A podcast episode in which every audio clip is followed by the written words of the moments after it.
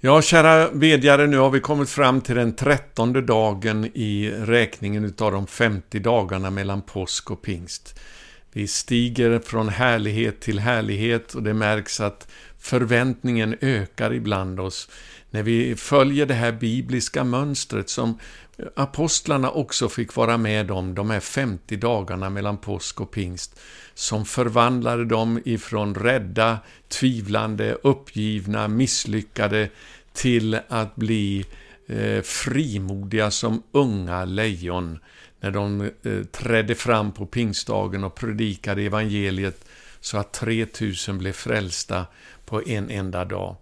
Eh, det är det här som vi behöver igen nu i våra länder i Norden och det är det här vi ber om under de här 50 dagarna. Så jag är så tacksam till Gud för varenda en utav er. Och det är ju också lite speciellt nu att vi gör det här eh, i samband med den här eh, coronapandemin som går fram över hela världen. Det, det är väldigt allvarliga tider vi lever i och om vi någon gång behöver Guds kraft så är det nu. Och vi vet att vi har löftet med oss ifrån Guds ord. Det står i Joels bok att eh, det ska ske de sista dagarna att jag ska utgjuta min ande över allt kött.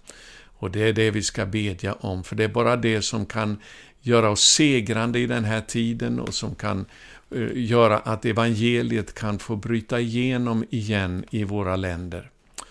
Jag ska börja med att läsa nu ifrån första Petrus, det första kapitlet och verserna 3 till 5. Det är ju så här att räkningen av de här 50 dagarna som vi har sagt så många gånger nu, de börjar ju med uppståndelsen. Och det är det som gör att vi hela tiden får ta vår styrka utifrån detta att Jesus har besegrat döden, han har, och dödsriket, han har uppstått ifrån de döda. Vi har uppstått tillsammans med honom för att leva det nya livet. Och här ska vi läsa nu det Petrus skriver här från vers 3. Välsignad är vår Herre Jesu Kristi Gud och Fader. I sin stora barmhärtighet har han genom Jesu Kristi uppståndelse från de döda fött oss på nytt till ett levande hopp. Till ett arv som aldrig kan förstöras, fläckas eller vissna och som är förvarat åt er i himlen. Med Guds makt blir ni genom tron bevarade till den frälsning som finns beredd och skall uppenbaras i den sista tiden. Det här är verser vi kan leva på i dessa Eh, allvarliga tider. Eh, att vi kan glädjas nu varje dag över att vi har blivit födda på nytt genom Jesu uppståndelse från de döda till ett levande hopp och till ett arv som aldrig kan förstöras, aldrig kan, eh, som det står här, fläckas eller vissna och som finns förvarat i himlen och som är berett att uppenbaras i den sista tiden, i sluttiden, genom Jesu återkomst ifrån himmelen. Halleluja, för att uppväcka eh, både levande och döda, eh, förvandla oss som tror på honom. Och det är ju det som då förstlingskärven som eh, vi eh, Eh, påminner oss om i den här räkningen. Det är ju det den handlar om. Jag ska läsa också ifrån första Korintierbrevet 15, de verserna som talar om det här ifrån vers 20 till 23.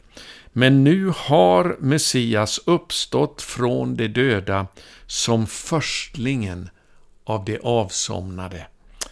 Och Det finns ju en not här i folkbibeln till förstlingen och jag ska återkomma till den om en liten stund.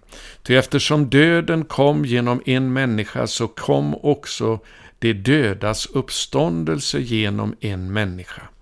Liksom i Adam alla dör, så skall också i Messias alla göras levande, det vill säga alla som är i honom som är födda på nytt, de kommer att uppstå, som det står vers 23. Men var och en i sin ordning, Kristus som förstlingen, där har vi ordet igen, och sedan vid hans återkomst det som tillhör honom.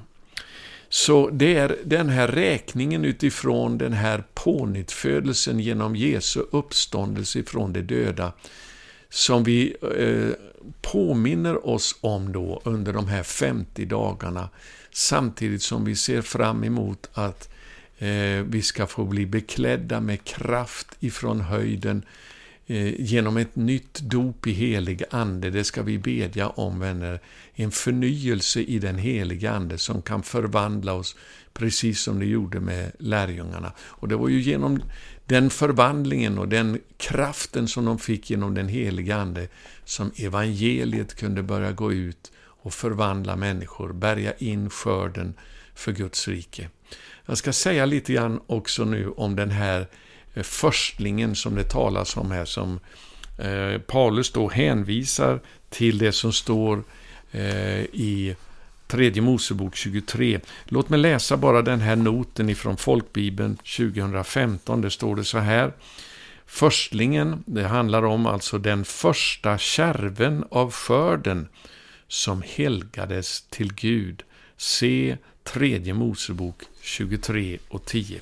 Så vi ska läsa den texten igen här och ska bara säga några ord om det här för att uppmuntra oss att eh, förstå den enorma frälsning som vi har fått genom tron på Jesus. Ehm, tredje Mosebok kapitel 23, jag börjar läsa från vers 9. Herren talade till Mose, han sa, Säg till Israels barn, när ni kommer in i det land som jag ger er och ni bärgar in dess skörd, skall ni ta den kärve som är det första av er skörd. Alltså här vi får det här uttrycket förstlingen ifrån som Paulus hänvisar till. Det är den kärve som är det första utav skörden. Och ska ni bära den till prästen, den kärven skall han vifta inför Herrens ansikte för att ni ska räknas som välbehagliga. Dagen efter sabbaten ska prästen vifta den. Och det var det här som uppfylldes då när dagen efter sabbaten, på den första veckodagen, Jesus uppstod som förstlingen ifrån det avsomnade.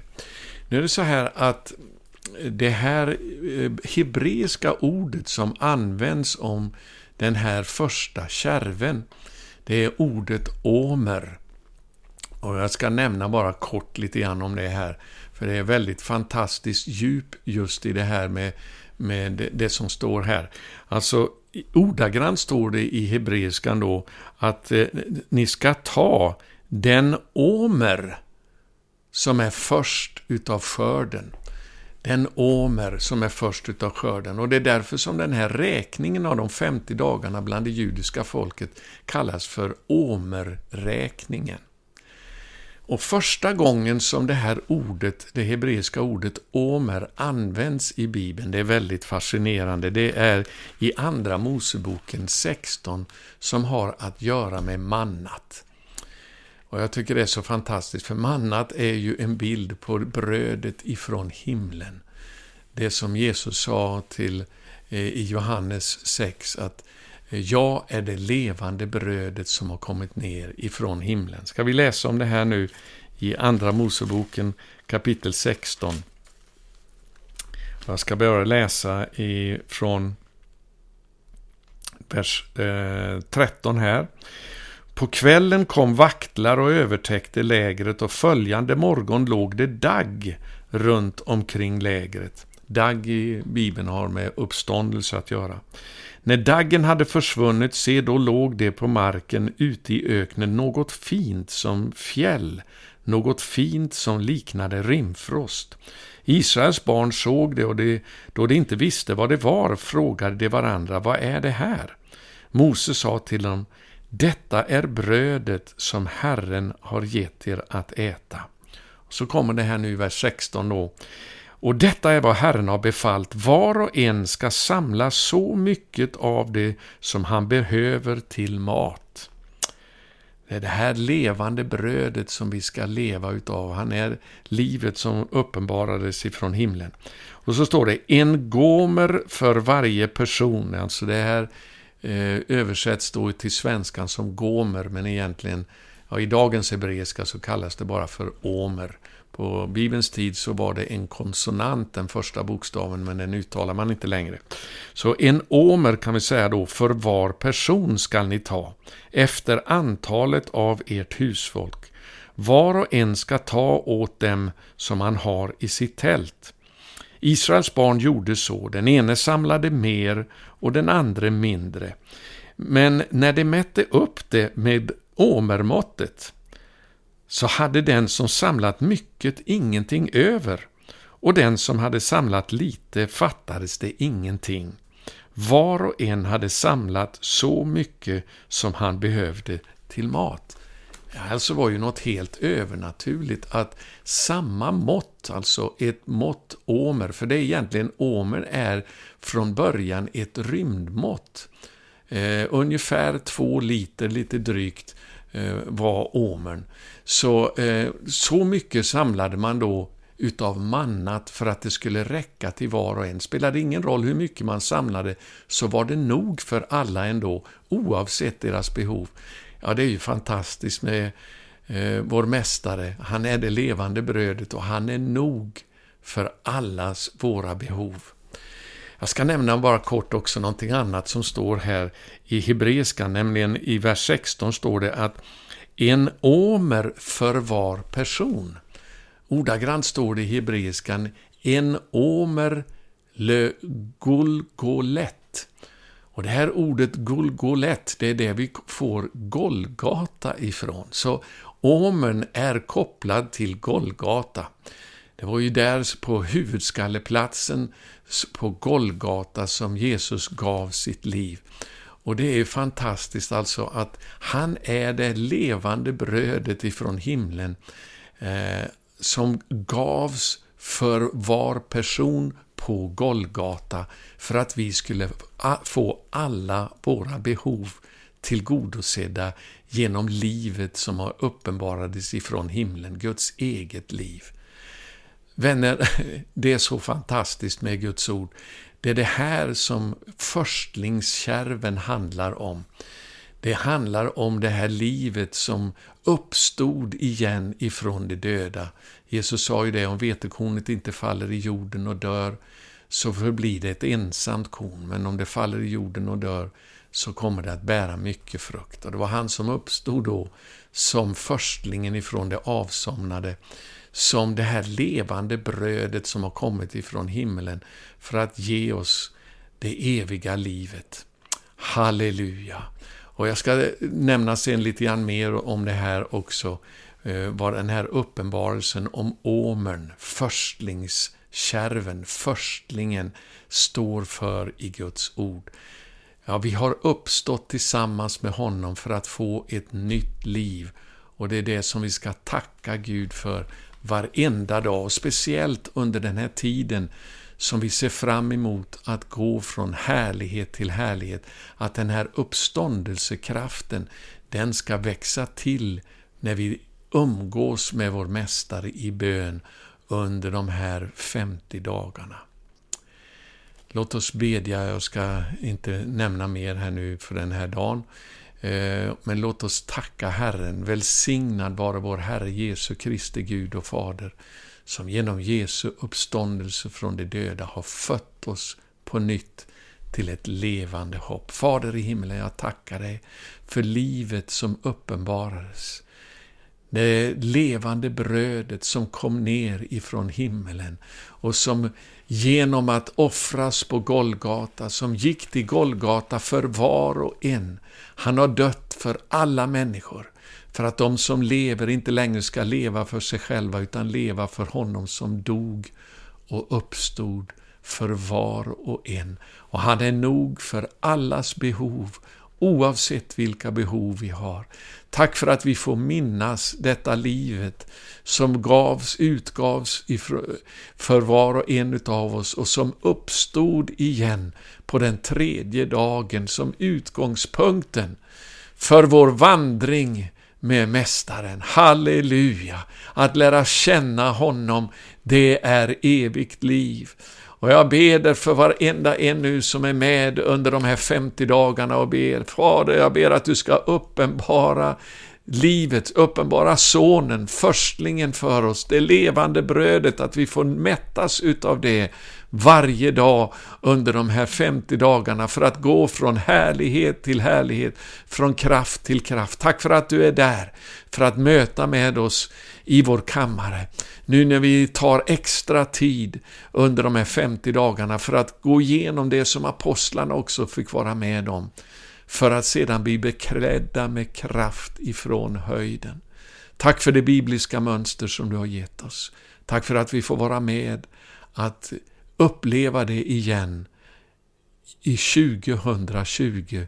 Och jag ber att det ska leda till en explosion av Guds kraft och eld över våra liv efter de här 50 dagarna.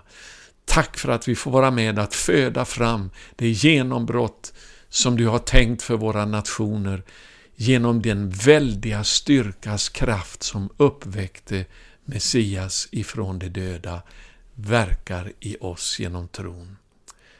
Tack för att du välsignar den här dagen nu Eh, för var och en som beder med oss i den här eh, bönekampanjen från påsk till pingst. Och tack på, i förväg för vad du ska göra genom de här bönerna.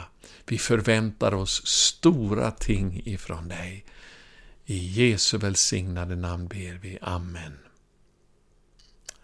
Gud välsigne dig idag när du söker Herren.